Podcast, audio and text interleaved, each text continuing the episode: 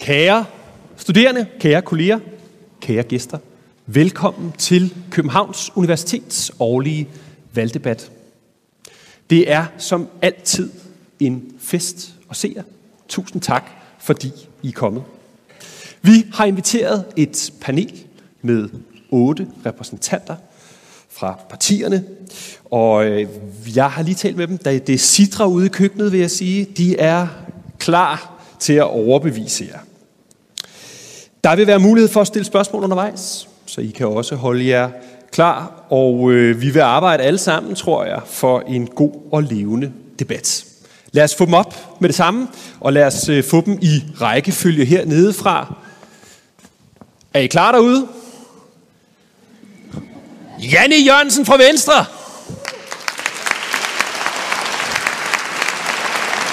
Pia Olsen Dyr. Lars Lykke Rasmussen. Ida Augen. Ole Birk Olsen. Laura Lindahl. Og Pelle Dragsted. Der mangler en, kan I se. Martin Lidegaard er på vej i en bil, og det er jo en af underne, tror jeg, ved en valgkamp. Det kan være, at kandidaterne kan tale mere om det bagefter. I skal nok få ordet om et øjeblik, men først en lille servicemeddelelse. Vi har spurgt deltagerne her i salen, om de ved, hvem de skal stemme på. Og jeg kan sige, at 75 procent herinde ved endnu ikke, hvem de skal stemme på. Så hvis I ikke har varme endnu, venner, så er det altså nu, prøv lige at se ud over det her vælgerhav, som I kan bevæge. Den israelske historiker, Yuval Harari, han gav et interview i 2018. Og der sagde han, at man må aldrig stemme på en politiker, der ikke kan give svar på fire grundlæggende spørgsmål. Hvordan vil du mindske risikoen for atomkrig? Hvordan vil du mindske risikoen for klimaforandringer? Hvordan vil du regulere nye teknologier, som kunne være farlige, såsom kunstig intelligens? Og endelig, hvordan ser verden ud i 2040? Med mængden af ægte intelligens i det her rum, så springer vi spørgsmålet om kunstig over. Men de andre kommer vi forhåbentlig igennem. Vi skal i dag tale om, hvordan vi får de bedste uddannelser i Danmark. Vi skal tale om, hvad de største trusler mod velfærdssamfundet er, og hvad løsningerne måtte være. Og så skal vi finde ud af, hvordan Danmark kommer i mål med den grønne omstilling. Det kommer til at køre på den måde, at jeg stiller et par indledende spørgsmål. Og øh, så får I mulighed for at supplere. Marker med hånden, hvis I gerne vil ind. Og det gælder også jer, hvis I bliver inspireret af jeres kollegers gode, passionerede indlæg og har brug for at supplere, så gør det. Men hold det kort. Se, der er højt til loftet herinde. Og det forventer vi også, der er i den her debat. Vi forventer, at I har det lange lys på. Og respekterer, at universitetets ånd er et sted, hvor der godt må tænkes stort og langsigtet. Godt. Lad os komme i gang med den første debat.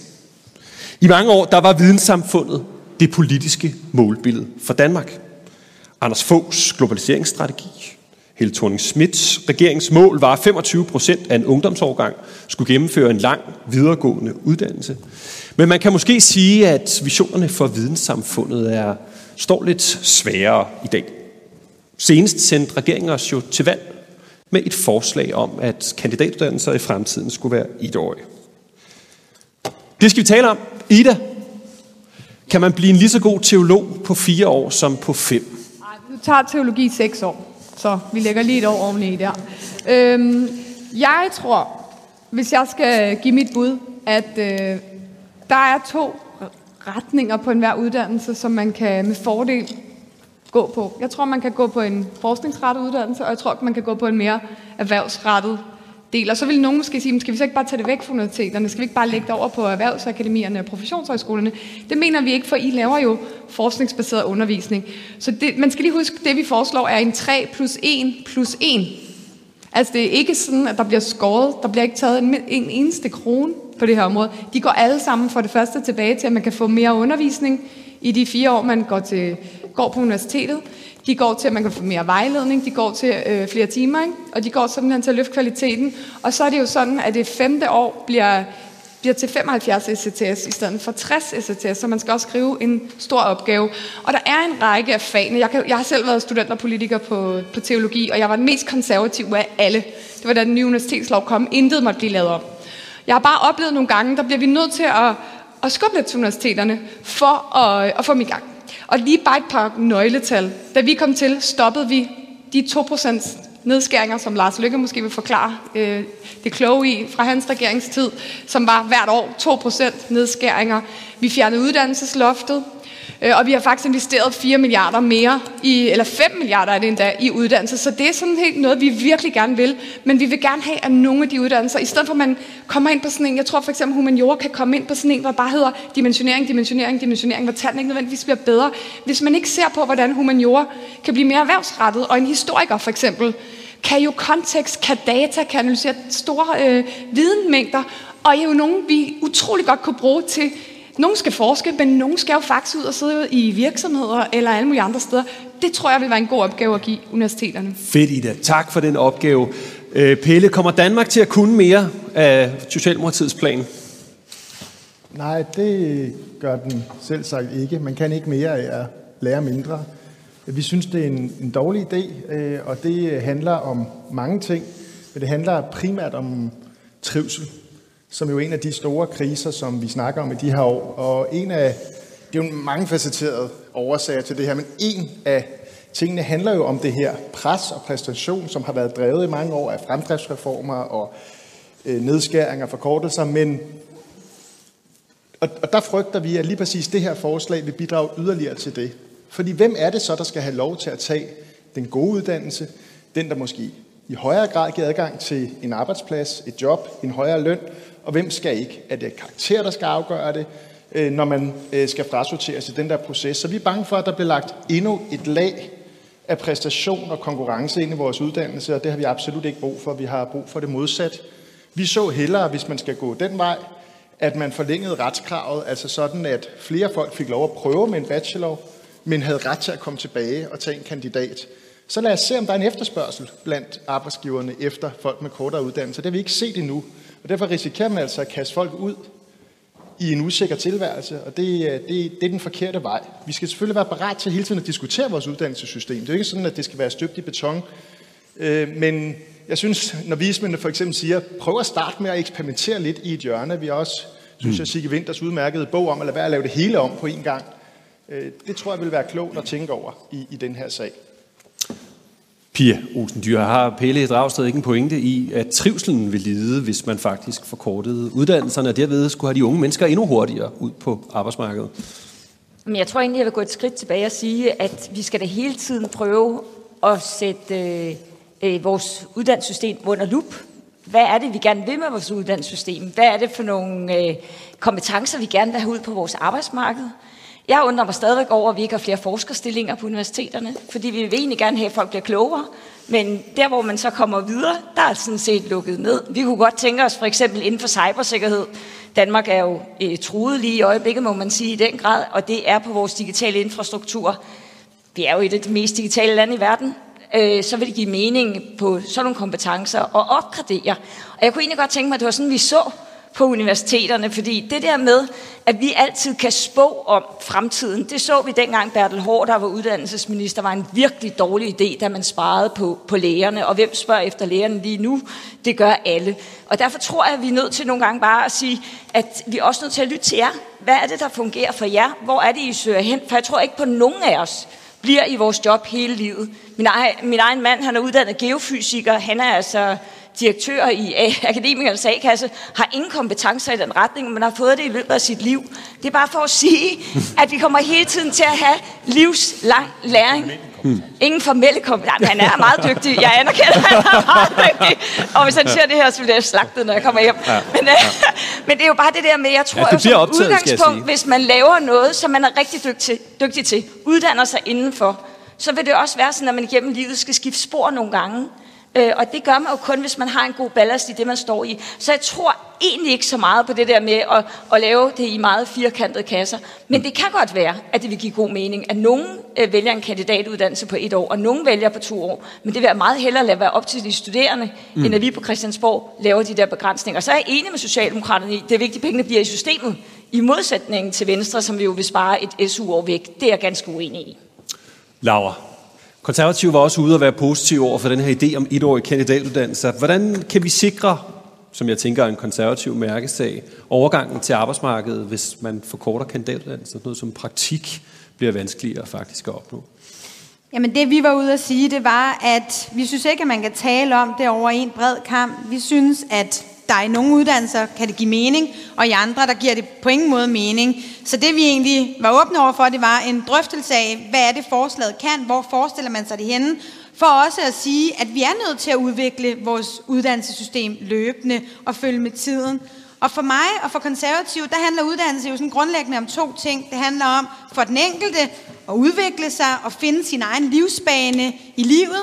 Og så handler det jo også om at udvikle vores samfund og gøre vores samfund rigere, både sådan åndeligt, men også øh, uddanne sig til et arbejde. Og vi synes jo, det giver god mening, at man sådan set ikke uddanner sig til ledighed. Og vi ved jo, at nogle af de uddannelser, der er, jamen der er stor og høj ledighed blandt de uddannede. Altså hvis man tager historikerne, så er 44 procent ledige i to år efter endt uddannelse. Engelsk, det er 43 procent, der er ledige i to år. Det synes vi ikke er verdens bedste uddannelse, en der uddanner sig til ledighed, for det er hverken godt for den enkelte, og det er heller ikke godt for vores samfund. Så på den måde skal vi være mere erhvervsrettet, også i vores måde at indrette uddannelse på. Ja, mere erhvervsrettet, den tror jeg, vi sender over til Janne Jørgensen. Øh, skal fremtidens uddannelser være erhvervsrettet? Altså, jeg bliver bare lige nødt til at starte med at sige, at det er helt fantastisk for en gammel jurist fra Københavns Universitet at stå her efter at have været til fredagsbar nede i valgkælderen og øh, til eksamen lige herude på gangen og øh, til fest ude i gården osv. Så, videre. så er det altså meget fedt at stå heroppe i stedet for at sidde dernede. Så øh, øh, øh, det, det synes jeg er fedt. Glæd jer, øh, glæd jer alle sammen. Altså ja, selvfølgelig skal vi have erhvervsrettede uddannelser, men vi skal jo også være opmærksom på, at vi ved jo ikke nødvendigvis, hvad det er, der er behov for på fremtidens øh, arbejdsmarked. Og det her med at skære et år af uddannelsen, det tager fire og et halvt år at blive frisør. Og nu er det ikke alle øh, frisører, der bare skal klippe Pelle Dragsted. Altså, der, det er jeg med på. Jeg er med på, at, øh, jeg er med på, at det ikke bare er sådan lige til. Men alligevel, altså, øh, jurist fire år, frisør fire og et halvt. Der er et eller andet, der skuer. Og det er jo også noget med at have tid på studiet til at have et øh, studiejob, altså at arbejde på et advokatkontorerne eller en styrelse osv. Det er jo noget, man lærer utrolig meget af, at man kan det ved siden af sit studie. Det er altså svært ved at se, hvordan man skal få tid til, hvis man skal have det presset ned på, øh, på fire år. Det vi har foreslået, det er ganske rigtigt, at det her ekstra år, man kan få SU, at det skal så, hvis ikke man bliver færdig på, på øh, normeret tid, hvad jeg ikke selv gjorde i øvrigt, jeg dog ikke lige så længe om det som Lars, men øh, øh, når man bruger lidt længere tid end, øh, end normeret tid, ah, Lars havde travlt med øh, ungdomspolitik og sådan noget, så, øh, så skal man selvfølgelig kunne, kunne færdiggøre sig ved at tage lån, men der er altså et eller andet skævt i, at vi i Danmark, vi bruger flere penge på at forsørge studerende, end vi bruger på at uddanne studerende. Det synes vi nok er lidt skævt, og derfor er det, vi foreslår at bruge det her ekstra års SU, bruge de penge målrettet på, øh, på mere uddannelse. Tak skal du have. Ida, meget kort. Ja, bare lige et par kommentarer. Altså, det er jo, det er jo en... Øh, jeg ved der er lyd på mig. Det er jo en 3 plus 1 plus 1. Reformkommissionen foreslog 3 plus 1. Vi siger 3 plus 1 plus 1, så dem, der ikke skal gå på forskerdelen, der stadigvæk vil være toårige, de har sådan set muligheden for at komme tilbage efter to år og tage en hel kandidat mere. Og det svarer jo godt på noget af det, Pia snakkede om med livslang læring, at vi faktisk kan komme tilbage. Jeg tror, universiteterne fordi vi fra faldende årgange skal tænke deres udviklingsmuligheder også meget mere i efteruddannelse, i videreuddannelse, i hvordan man kan tilbyde relevante kandidater, når man kommer tilbage. Så bare lige til Jan. Det er jo jer, der vil for kort tiden, man kan være studerende ved at fjerne et år i SU'en. Vi vil jo ikke fjerne tiden. Vi vil jo bare sige, at man tager en 3 plus 1, og så kan man vende tilbage og tage det andet øh, det sidste øh, år senere i i et, et samfund, hvor vi virkelig har brug for at lære nyt hele tiden. Så tak, det spændende tak, tanker. tak, tak. Nu fik vi en ny deltager i panelet. Sig velkommen til Martin Hedegaard fra De Radikale Venstre. Nå, hør engang. Liberal Alliance, I har jo et modigt statement på jeres hjemmeside på uddannelsespolitikken. I siger elite frem for bredde. Ole. Hvem af de tilstedeværende skal ikke læse på universitet? Ej, nej, nej, nej. nej. Hvad, betyder, hvad mener I med det? Hvad skal der ske på universitetsområdet, for at det bliver elite og ikke bredde? Jeg var ikke klar over, at der stod det på. Nej, okay. Jamen, jeg har læst det, det er sandt. Det Men altså, det, det, det beskriver i hvert fald, hvad der er foregået de senere år, de senere årtier, mange årtier endda. Altså, dengang øh, min forældres generation var unge, der var det jo kun de absolute genier, og dem, der kom fra bedre borgerskab, der fik en videregående uddannelse. Øh, I min mors søskende flok på ni, var der kun én, der blev civilingeniør, de andre blev landmænd eller gift med landmænd. I dag er det at gå på videregående uddannelse herunder universitetet er jo næsten blevet en masseuddannelse. Øh, Det er jo en meget stor andel af ungdomsårgangene. Og, og det er jo ikke sådan, at alle jer, der sidder her, enten skal forske eller undervise. En del af jer skal bare ud og have et arbejde, hvor I udnytter jeres evner, som er i et vist omfang medfødte, og det I har lært.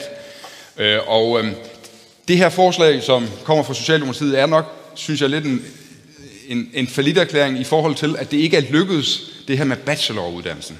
At man går på bacheloruddannelsen, hvis man ikke skal være forsker, og når man så har været der tre år, eller ikke underviser, og når man har været der tre år, så går man ud og får et arbejde. Det er simpelthen ikke lykkedes. Så nu prøver man en anden model, hvor man siger fire år.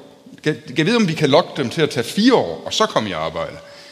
Det kunne også være, at man skulle prøve at gøre den der bacheloruddannelse mere relevant øh, og sikre i bacheloruddannelsen, at unge mennesker, unge studerende, i bacheloruddannelsen får en tilknytning til de arbejdspladser, som kunne forestille sig at aftage dem efter tre år. Det vil sige, at man har på en række af de her videregående uddannelser et obligatorisk semester, hvor man skal i lønnet praktik på en relevant arbejdsplads. Fordi det, der sker på de uddannelser, der har den slags, det er nemlig, at rigtig mange vender slet ikke tilbage og tager kandidaten, fordi både arbejdspladsen og de finder ud af, at de kan allerede arbejdet. Fremragende. Vi skal lige have de sidste to på, øh, på banen, før at vi øh, åbner debatten. Lars Lykke Rasmussen, globaliseringsstrategien, videnssamfundet. Er det gone?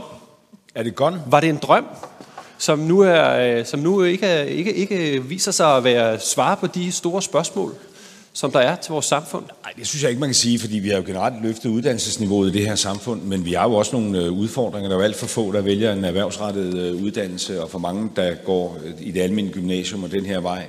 Og derfor synes jeg faktisk helt ærligt, at Socialdemokratiet sådan set fortjener ros for at turde lægge det her frem. Altså fordi der er jo sådan en tendens til, når der skal være valgkamp, så er der ikke rigtig nogen, der har lyst til at foreslå noget, som påvirker nogle mennesker. Altså, så det synes jeg faktisk egentlig er fint, at Socialdemokratiet med inspiration fra Nina Smidt-udvalget kommer med et forslag. Jeg synes selv, det er for firkantet et forslag, men jeg synes, det er relevant at tage den her diskussion. Øh, og vi har jo for eksempel, hvis man kigger på sådan noget som ingeniørområdet historisk, med, med hvad hedder det, civilingeniør, akademiingeniør, teknikumingeniør, der har vi jo øh, historisk haft uddannelser, som ligesom er øh, mere eller mindre komprimeret, altså hvor det, mere kan, hvor, det, hvor det mindre kan være i det mere. Og, og det synes jeg ikke er nogen helt skæv tænkning. Jeg tror ikke, man kan lave sådan noget one size fits all. Det tror jeg ikke, man kan. Jeg synes, vi mangler det her perspektiv, som også bliver anslået både af Pelle og Ida og Pia, det livslange læringsperspektiv. Ikke? Fordi der var jo en gang, øh, hvor man kunne tage en uddannelse, og så kunne man ligesom øh, stå på den i resten af livet, og det, og det kan man ikke mere. Og det kommer vi til at tænke på. Og jeg synes også, det kunne være spændende at fremme nogle øh, metoder. Vi forsøgte med den der, øh, hvad hedder det, erhvervskandidat, hvor man kan stå af. Altså det kunne være rigtig, rigtig spændende, hvis man kunne lave et bachelorarbejdsmarked, at man kunne stå af der, prøve sine kompetencer, øh, finde fodfæste, være mere fokuseret. Når man vender tilbage til kandidatdelen, så har man et klare mål med, hvad er det, hvad er det jeg skal med den. Så bare at støbe, støbe alt i beton og sige, øh, det er som det er, det, det tror jeg er forkert. Så vil jeg lige anholde min gode ven Jan, der siger, hvor længe om at læse jura. Hvor lang tid tog det? Lad os få det på bordet. Jamen, det tog to og et halvt år, øh, og så havde jeg en, en meget lang mellemliggende pause, fordi øh, jeg tog første del i 84, anden del i 85, så tog jeg tredje og fjerde årsprøve og kursusfag i 1992. Ja. Vi er glade for at have dig som alumne, ikke desto mere. Det er dejligt at få lov Det var godt, du klarede den. Martin, det var godt, du kom. Jeg har så heller ikke formelle kompetencer i forhold til det, jeg laver. Det er Det var korrekt. godt, øh, det var godt du kom øh, fra, øh, fra landevejene. Øh, I var ude i sidste uge med et udspil på uddannelsesområdet. Du ser overrasket ud.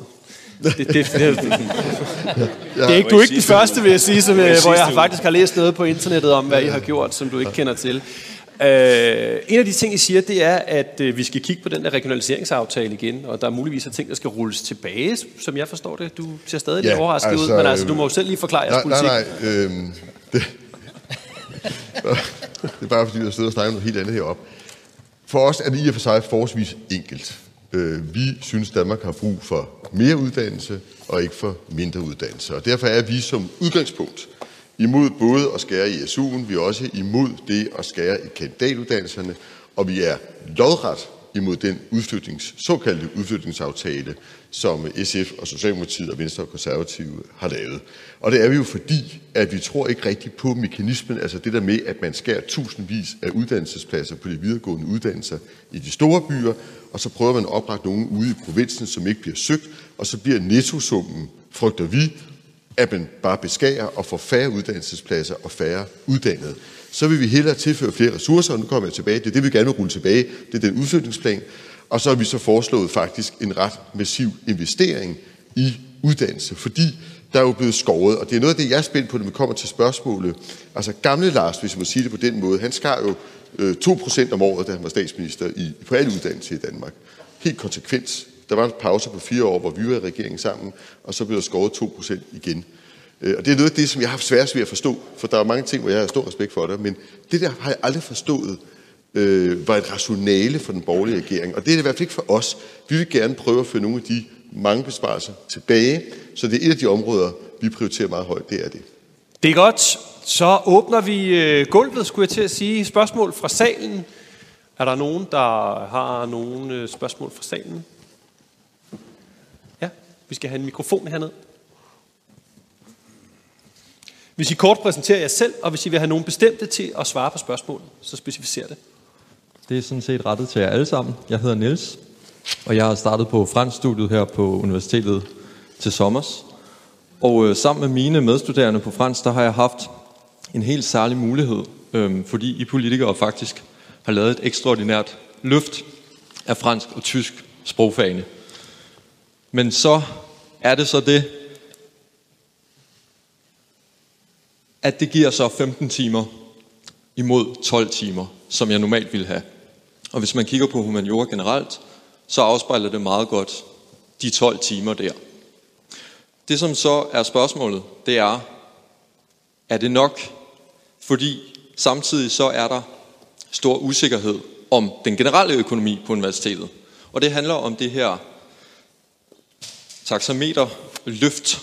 Øhm, og hvis man kigger tilbage på 2015, så kom Deloitte med en rapport, og den resulterede i, at I politikere faktisk lavede et ekstraordinært løft af de samfundsvidenskabelige og humanistiske uddannelser, fordi det var her, de fra Deloitte så, at der ligesom var et underskud af midler, eller for få midler i forhold til de andre uddannelser. Og det som så er pointen, det er, at det er kun et midlertidigt løft, ekstraordinært løft, som er kommet hvert andet eller hvert år.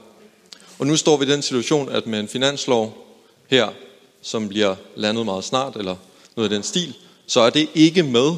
Og det vil sige, at Københavns Universitet faktisk står og skal skære 300 millioner kroner for årsskiftet. Derfor er mit spørgsmål til jer, sat i sammenhæng med det ekstraordinære løft af fransk og tysk, hvor jeg faktisk ser, at der kommer utrolig meget ud af det. Jeg får noget helt konkret, praktisk, sproglig træning, som jeg ikke ville have mulighed for i min normale hverdag, hvis, jeg, hvis der ikke var kommet det her løft. Og derfor er mit spørgsmål til jer, vil I sikre denne her stabilitet, den grundlæggende stabilitet om universitetets økonomi fremover? Tusind tak. Nå, tak stit. Er spørgsmålet?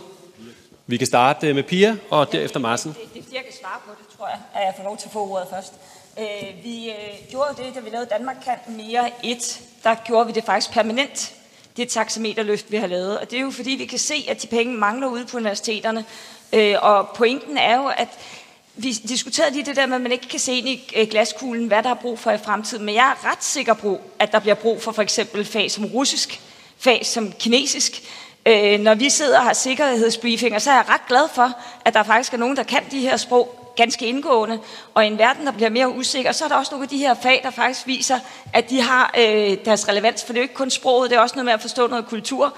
Øh, jeg ved ikke, om I fulgte med, men jeg synes, det var ret interessant at se den øh, kinesiske folkekongres, hvordan Hu Jintao blev ligesom fuldt ud, og jeg synes, det var øh, fint, at man så kunne få en briefing om, hvad det er, der sker i Kina. Det er jo derfor, vi har brug for humaniora, og det er derfor, vi har lavet det her løft. Det er ikke den eneste grund, men det er grunden. Øh, og det, det kan vi ikke stemme igennem, fordi at øh, vores gode venner i Radikale Venstre gerne vil have, at vi fik et folketingsvalg nu. Men ellers var det jo blevet stemt igennem her i, øh, i efteråret, og så må vi jo håbe, at de partier, der var bag den aftale, stadigvæk har flertal, eller at der er nogle andre, der får lyst til at gå med i det flertal og stemmer det igennem.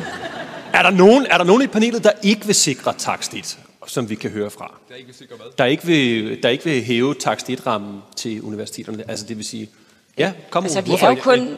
Jeg synes, jeg synes, at det er noget underligt planøkonomisk noget, at vi sidder i politisk sammenhæng nogle folk, som ikke har vildt meget forstand på, øh, hvad den enkelte branche har brug for, hvor der er god forskning osv., i ministerier og bestemmer, hvor mange penge der skal være på bestemte institutter og bestemte universiteter.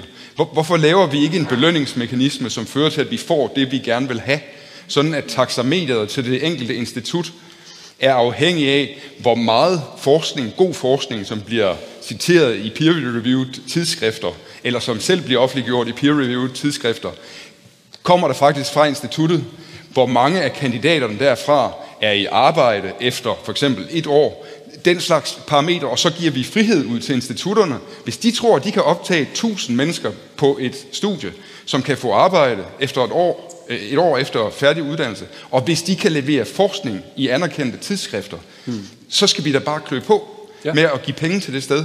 I stedet for det her med, at man sidder inde på Christiansborg eller i et ministerium og tror, man har styr på, hvor meget arbejdskraft der er brug for forskellige steder. Okay, så friere midler til universiteterne, under forudsætning af, at de faktisk kan forvalte det. Ja, altså det er jo ikke det, der er tilfældet her. Der er tilfældet om, vi har nogle våde fag, som har nogle høje taxameter, fordi de har en masse instrumenter, og de har en masse forskning, der kræver højere øh, øh, øh, bevillinger. Og så har vi nogen, der har ligget lavere, de humanistiske og de samfundsvidenskabelige. Og de har jo så været underfinansieret i en årrække, og derfor har vi lavet først et midlertidigt og så et permanent løft af øh, takst 1 øh, til hum og samf. Jeg vil sige, øh, fransk og tysk, det er en af de ting, som jeg er rigtig stolt af. Vi har gjort det også en af de ting, øh, vores minister går meget op i, det er, at vi får løftet de her sprogfag. Fordi ved så har vi ikke nogen lærere derude lige om lidt, og vi, vi har enormt meget brug for, at vores unge mennesker lærer sprog, ikke mindst i den her verden, hvor vi hænger tæt sammen. Så er det virkelig, virkelig vigtigt. Så du skal ikke være i tvivl om, at Socialdemokratiet har 100% opbakning til, til takst 1 og til at gøre det til, som Pia også siger, et permanent løft. Det er godt. Jeg tror, vi, øh, med mindre der er andre, der synes, det er en dårlig idé, Jan, eller hvad? Nej, nej, nej, nej, jeg vil bare lige, øh, jeg vil bare lige øh, øh, øh, supplere øh, det her med at, altså, at skære et, øh, et år. Altså, øh, universiteter er selvfølgelig forskning og undervisning, men det er jo langt mere end det. Altså, øh, den, der skal klippe dig i håret, skal altså have fire og et halvt år, men den, der skal skære dig i maven, kan nøjes med fire.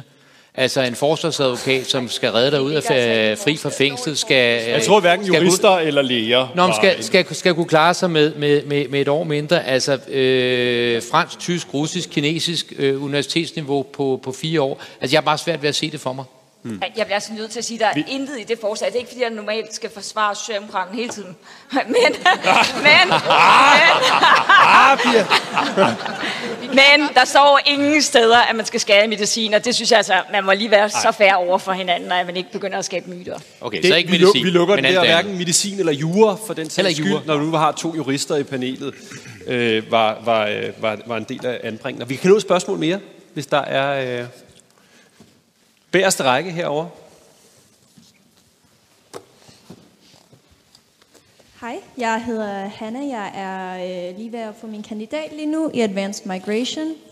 Øhm, jeg vil så stille et spørgsmål om det der med bacheloruddannelsesjobmarkedet, fordi det synes jeg lyder super spændende, og en, en grund til, at jeg har taget min kandidat, er, fordi der ikke rigtig er nogen mulighed for at komme ind i jobmarkedet i humaniora, uden at have enten sådan 10 år allerede i selve markedet, jobmarkedet, eller at have en kandidat. Så jeg synes, det lyder super spændende at få mere praktik og få mere mulighed for at bruge ens bachelors, men sådan realistisk, hvordan vil man få det gjort? Fordi det, det tror jeg er lidt nemmere sagt, end det er at få gjort. Så hvad er nogle planer, I har for ligesom at komme videre med det? Fremragende. Er det hønen eller ægget vinder? Skal der være et arbejdsmarked, der står og skriger på bachelorer, eller skal vi holde op med at uddanne kandidater? Lad os få et, øh, lad os få et par bud. Altså, bare helt kort. Det, det, det findes de steder, hvor øh, lønnet praktik er en obligatorisk del af øh, bacheloruddannelsen. Der findes jobmarkedet også for bachelorer. Ja. Efter endt uddannelse. Men, men det er sådan set en af grundene til, at vi er imod. Det er præcis det spørgsmål. Altså, vi er simpelthen svært ved at se afsætningen. Øh, og det bekymrer os meget, at når hele, altså alle de organisationer, der repræsenterer afsætter, øh, modtagerne, nemlig erhvervsorganisationerne og arbejdsgiverorganisationerne, signalerer så kraftigt, som de gør, det er ikke det, vi vil have. Det er ikke det, vi efterspørger. Det er ikke det, vi har brug for. Hvem er det så, vi gør en tjeneste ved at skære i kandidaten? Det er godt. Er der andre, der vil på? Bachelorløftet. Vi har jo været der før, så længe jeg kan huske, helt tilbage fra studenterpolitik omkring universitetslovens tid, har der været idéer om et bachelorarbejdsmarked. Det er ikke lykkedes i de foregående 20 år. Ja, vi, har jo et, altså, vi har jo også et erhvervsliv, der svigter lidt. Ikke? Altså, fordi øh, det er det samme, når man taler med erhvervslivet, om vi skal have flere, der skal tage en erhvervsuddannelse, så leverer de ikke altid det, de skal på praktikpladser. Jeg har også selv siddet til DA i hovedbestyrelsesmøde, hvor de sagde, flere skal gå på en erhvervsuddannelse, og færre skal gå i gymnasiet, så spørger man, hvor mange af jer har ikke set jeres børn i det almindelige gymnasium, så er der ingen, der rækker hånden op. Altså, så det er ikke altid, at folk ligesom walk the talk. Øh, jeg tror, at, øh, at, at den der øh, hvad hedder det, erhvervskandidat kan jo det, at man har en mulighed for at stå af og med et retskrav på at kunne komme på igen. Ikke? Øh, og så tror jeg også, at som, og jeg ved ikke, var det Jan eller hvem var der inde på det, fordi så skal vi heller ikke gøre uenighederne større, at hvis man i højere grad også kunne åbne de der bacheloruddannelser ud mod arbejdsmarkedet, altså så det blev tænkt lidt mere ind, så ville man måske også over tid udvikle noget, der var et bachelorarbejdsmarked. Tak. Vi runder uddannelsestemaet af, for vi har travlt, og der er mange ting, vi skal nå. Det næste handler om velfærdssamfundet. Den perfekte storm har Mette Frederiksen kaldt det problem, vi står i. Store årgange går på pension. Vi øh, mangler akut hænder i vores arbejdsstyrke. Vi oplever alle sammen markante prisstigninger, inflation, energimangel. Og mange er bekymret for deres sådan rent øh, privatøkonomiske situation. Så, det første vi skal tale om, synes jeg, handler om mangel på arbejdskraft. Og hvordan vi sikrer, at vi har de rigtige kompetencer. Lars Lykke, vi kommer til at mangle 90.000 personer på arbejdsmarkedet i 2030. Både virksomheder og velfærdsfag, de melder meget, meget, meget store vanskeligheder ved at tiltrække den nødvendige arbejdskraft. Hvad pokker gør vi? Jamen, det er der jo ikke noget øh, quick fix på. Altså, der er jo ikke nogen, der kan trylle et forslag frem, som løser det hele. Jeg tror, vi skal gøre mange ting øh, på en og samme tid. Vi foreslår blandt andet en SU-reform, der gør, at vi holder op med at være bange for, at der kommer udenlandske studerende til Danmark, fordi vi er trætte af at give dem en gratis uddannelse og verdens højeste SU, og så rejser de hjem igen. Øh, det er jo derfor, vi har foreslået, at vi laver mere lån på kandidatgraden, kombineret med et uddannelsesfradrag, der gør, at hvis ellers man er skatteyder til Danmark bagefter, så bliver man stillet reelt økonomisk, som om man ikke har taget lånene. Det vil kunne gøre, at vi kan begynde at tage noget udenlandsk talent ind. Fremtiden tilhører dem, der kan tiltrække de bedste talenter, og vi giver folk en tilskyndelse til at blive. Så, så det er en del af det, men, men det står ikke alene. Vi skal åbne mere for udenlandsk arbejdskraft. Det skal vi. Det er jo en af grundene til, at jeg synes, at vi skal have en regering hen over midten, sådan at vi ligesom kan hegne en ansvarlig, stram udlændingepolitik ind ved konsensus, og så begynde at luge nogle tisler ud, fordi vi har gjort det svært. Ægtefællesamføringsregler og alt muligt andet, og ja, jeg ved godt, at jeg er skyldig i noget af det, men man skal lære sin fejl. Vi skal rydde op i det. Det skal være lettere at komme til, til Danmark. Vi har kæmpe problemer med at processe øh, arbejds- og opholdstilladelser. Øh, på sundhed for eksempel. Hvis man ser på Styrelsen for Patientsikkerhed, der skal godkende udenlandske lægefaglige kompetencer, så tager det op til tre år. Så skal folk i SIRI bagefter, altså Styrelsen for International Rekruttering og Integration, øh, for så kan der være nogle udfordringer med en ægtefælde eller sådan noget. Det er, jo, det er jo helt håbløst, at vi mangler folk. Så det er jo også en del af det. Og så skal vi selvfølgelig lave nogle reformer, øh, der sikrer, at der kommer flere hænder ud på arbejdsmarkedet. Hmm. Og så skal vi bruge de hænder, vi har klogere. Og det er blandt andet derfor, at vi foreslår, at vi nedlægger de fem regioner og fjerner et øh, fem gange rockwool i sygehusvæsenet til fordel for et, fordi rockwool undgår man ikke. Øh, hmm. Så det er mange ting på en og samme tid. Pelle, kan vi løse det her uden faktisk at øge arbejdsudbuddet gennem international arbejdskraft? Vi har ikke noget mod international arbejdskraft, men vi har også masser af arbejdskraft øh, her. Øh, vi har 50.000 unge, som ikke er, har hverken job eller, eller uddannelse. Lad os starte med at få, øh, få de mennesker øh, givet mulighederne, hjælpen for dem, som står på kanten, og det hænger jo igen. Det vender jo tilbage til, hvad det er for et uddannelsessystem, vi har. Om det kan rumme folk, som har funktionsnedsættelse, om det kan rumme folk, som ikke lander løbende i en uddannelse, og det er vi ikke gode nok til. Øh, og det betyder, at vi taber rigtig, rigtig mange mennesker på, på gulvet. Så kunne vi jo også starte med at lade være med at udvise unge mennesker, som er under uddannelse til Syrien eller Afghanistan eller andre steder, når vi rent faktisk har brug for dem her. Det er noget af det, jeg frygter allermest ved det her valg, det er, at vi igen går ind i jagtsæsonen på mennesker med anden etnisk baggrund hver eneste gang, der er en finanslov, fordi man skal tilfredsstille Pernille Vermund og Inger Støjberg og Morten Messersmith, som skal bytte nogle nedskæringer øh, på, på velfærden og over for de arbejdsløse med at få nogle nye angreb på, på flygtninge og indvandrere. Det er et, altså et mareridt, synes jeg, at se frem til. Så derfor, ja, det her valg, der er så mange, der siger, at ah, det kan blive det samme. Det er fandme vigtigt, hvordan det her ender. Det er to forskellige Danmark, vi står overfor, øh, afhængig af, hvordan, hvordan valget, øh, valget falder ud. Til det ser jeg hele panelet nikke. Laura, er svaret de unge mennesker, der står uden job og uddannelse? Nej, ikke alene i hvert fald, men det er fuldstændig rigtigt, hvad Pelle siger. Det er et afgørende valg. Der kommer til at være stor forskel på, øh, hvem der kommer til at have magten efter det her valg. Og det er fuldstændig rigtigt, vi mangler grundlæggende arbejdskraft strukturelt i Danmark. Der er nogle forskellige udfordringer, når vi kigger på den offentlige sektor, og når vi kigger på den private. Når vi kigger på den offentlige sektor, så kan vi jo se, at der er rigtig mange sosuer, pædagoger, sygeplejersker, som søger ind, som bliver uddannet, men som forlader faget igen. Og det er jo en kæmpe, det er en kæmpe udfordring, at de sådan set har vist interesse til at starte med, det er godt, men at de så falder fra senere hen, tyder jo på, at de bliver mødt med noget i deres arbejdsliv, som ikke indfrier de forventninger, de har. Og det er jo, fordi vi har centraliseret, vi har frataget dem enhver indflydelse på deres arbejde. Vi har frataget dem arbejdsglæden. Vi dræber deres motivation i, at de skal sidde og dokumentere meget mere, end at have med det at gøre, som de egentlig brænder for og er uddannet til. Så der kan man starte. Det er en lavt hængende frugt, men det er, en vigtig, øh, det er et vigtigt parameter at sætte ind der. Og i forhold til det private, for der mangler vi også hænder i fremtiden, der er det klassiske arbejdsudbudsreformer, vi skal i gang med. Vi skal øge arbejdsudbuddet, og der er der bare nogle skruer, vi kan skrue på. En ting er udlandsk arbejdskraft. Det er sådan set ikke det, som virksomhederne siger, der er det allervigtigste. De ønsker sådan set, at dem, der er i landet, vil arbejde mere. Vi ved også i den offentlige sektor, der er utrolig mange på deltid. Så dem, der allerede arbejder, hvis vi kunne få dem til at arbejde noget mere, jamen så har vi også, altså så kan vi komme rigtig langt den vej også. Martin, er det vejen decentralisering, afbiokratisering og løbe lidt hurtigere? Ja, men altså afbiokratisering, det, det, det kan vi alle sammen jo hurtigt blive enige om, og, og hvem er jeg ikke, han er sagt, øh, for det. Øh, noget ved det en dag også. Ja, lige præcis, ikke? Øh, på for eksempel beskæftigelsesområdet. Det tror jeg faktisk, vi er meget enige om. I det hele taget er jeg meget enig i alt det, Lars har sagt. Det er jo god radikal politik, I har taget, og det er dejligt. Og det, og det siger jeg helt, helt uden øh, sarkasme. Det er jeg oprigtig glad for, fordi det øger sandsynligheden for, at vi, øh, at vi får det igennem sammen. Øh, og til det kunne jeg lægge, synes jeg også, det glimrende udspil, I har lavet på sundhedsområdet, hvor vi også stopper de behandlingsgarantier, du indførte, for at give et større fagligt skøn til lægerne. Jeg er helt enig hele vejen igennem. Øh, det, jeg kunne tænke mig at være lidt mere ned i, det er det, som Pelle tager fat på, øh, nemlig, der er noget, vi kan gøre her og nu, og så er der noget, som har det længere træk, men som måske er det allervigtigste, og det er sammen, og det er også derfor, vi er meget optaget af en bred regering, øh, uden højrefløjene, øh, som, øh, som Pelle nævner, men det, jeg taler om, det er selvfølgelig, at vi stadig er i den situation, at, at op mod hver sjette barn forlader skolen uden basale færdigheder, og cirka hver femte unge slet ikke fuldfører nogen ungdomsuddannelse. Jeg, jeg er lidt træt af det der hets mod de almindelige gymnasier, fordi dem har vi jo også brug for til at blive pædagoger og sosu og alt det der. Der skal man have en gymnasial uddannelse. Men vi har brug for flere på erhvervsskolerne. Og vi har brug for, at der er flere, der kommer ind af en ungdomsårgang på det her. Og det kræver, tror vi, altså også nogle ressourcer længere nede i værdikæden, altså daginstitutionerne, i skolerne. Og det er derfor, vi prioriterer, det er ikke bare for at drille, jeg siger det, jeg tror, vi kommer til at prioritere hele den værdikæde fra ABC til Ph.D.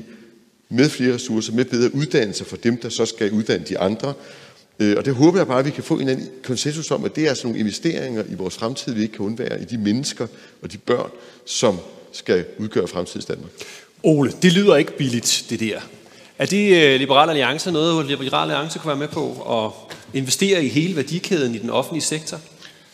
Det lyder først og fremmest meget sådan, uh, marketingagtigt, altså som en, en, noget, som en konsulent kunne sælge på et kursus, uh, og så ville øh, der sidde nogle erhvervsfolk. Det lyder sørme godt. Og, men hvad er der konkret i det? Jeg kan ikke se noget konkret i det.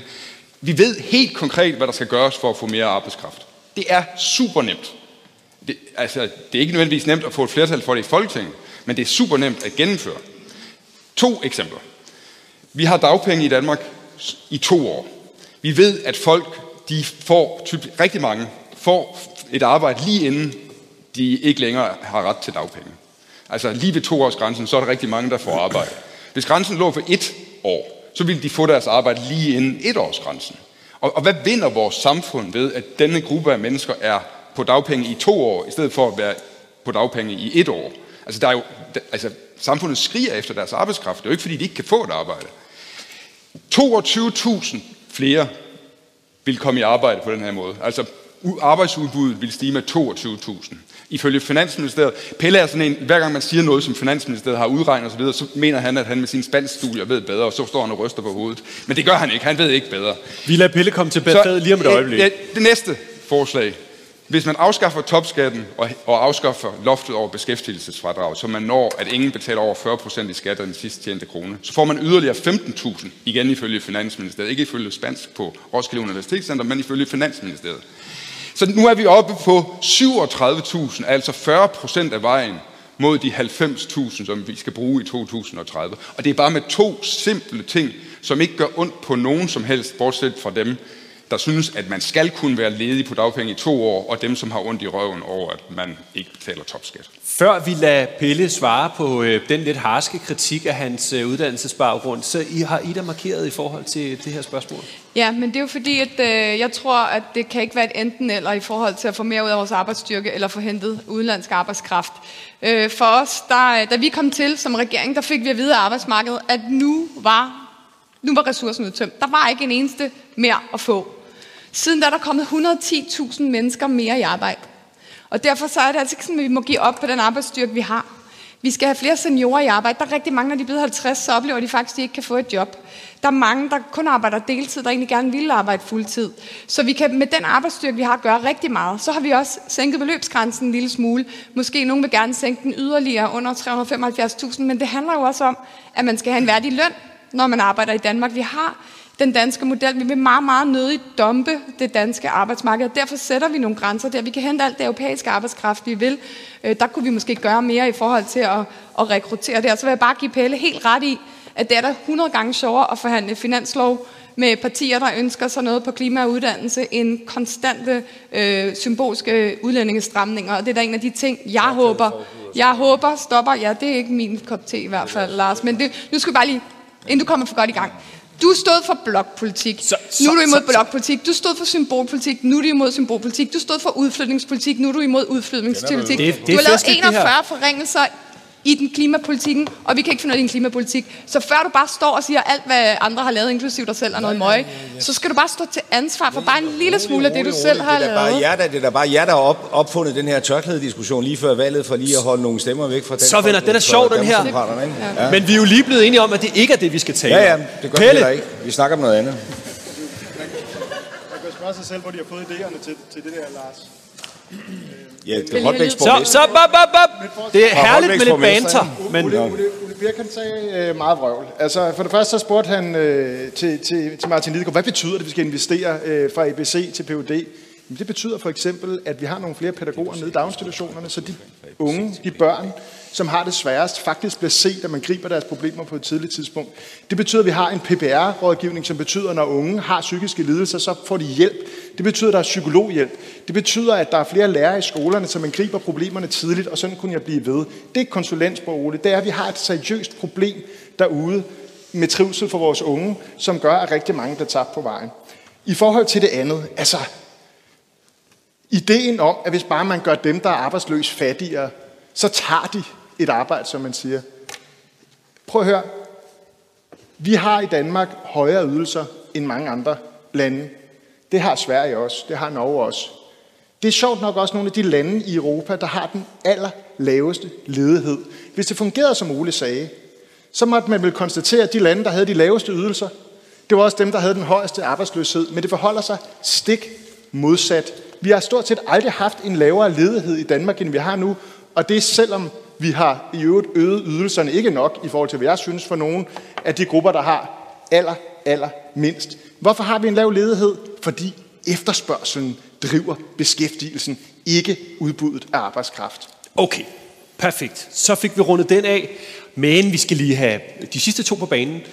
Det er også en god diskussion for dig, det her. Er det ikke det, Jan? Jo, det er en øh, kæmpe god diskussion, og jeg synes måske, Pelle Dragsted slipper lidt af sted med at sige, at enhedslisten har intet mod udenlandsk arbejdskraft. At det er simpelthen ikke rigtigt. Altså, I har stemt imod sammen med SF, sammen med Socialdemokratiet, sammen med Dansk Folkeparti. Alle de gange, der har været konkrete forslag om at få mere udenlandsk til arbejdskraft til Danmark. I har, øh, I har sagt, at øh, det, at arbejdsgiverne sagde, at de manglede arbejdskraft, og kun kunne skaffe den i udlandet, det passede ikke. Øh, I har en eller anden idé om, at det vil være løntrykkeri, på trods af, at det selvfølgelig skal ske på overenskomstmæssige vilkår. Men Pelle, hvad så sådan noget? Gå ind og google enhedslisten, udenlandsk arbejdskraft. Så kommer der artikel på artikel på artikel frem om, at Finn Sørensen, jeres arbejdsmarkedsordfører, har stået og tordnet imod eksempelvis at sænke beløbsgrænsen. Og så siger han noget fuldstændig gakkelak om, at så kan man jo bare ansætte folk til den højere løn. Altså man kan da ikke sige, at nu kommer der en udenlandsk arbejder ind på et arbejdsmarked, og så skal han have 75.000 mere i løn end alle de danske kolleger. Sådan fungerer arbejdsmarkedet jo ikke. Så det, at I har kæmpet imod, det er det, der har gjort, at vi i Venstre øh, ikke har kunne komme igennem med ønsket om at få mere udenlandsk arbejdskraft til Danmark, fordi der har været en uheldig alliance mellem Venstrefløjen og Dansk Folkeparti. Faktum. Men I ønsker jer mere udenlandsk arbejdskraft? Det gør vi. Hvad med jer, Pia? Vi har jo lige lavet en aftale med Venstre, selvom Venstre lige står og siger, at vi aldrig laver noget som helst sammen. Øh, vi har jo lige lavet en aftale sammen omkring international arbejdskraft, før valget blev udskrevet, om at vi vil sænke beløbsgrænsen. Og det er fordi, vi kan se lige nu, mangler vi arbejdskraft. Men jeg er sådan set meget enig med det, Lars sagde. Og det, øh, det er, der er ikke et fix på det her. Det her, det er rigtig mange tiltag, vi skal i gang med.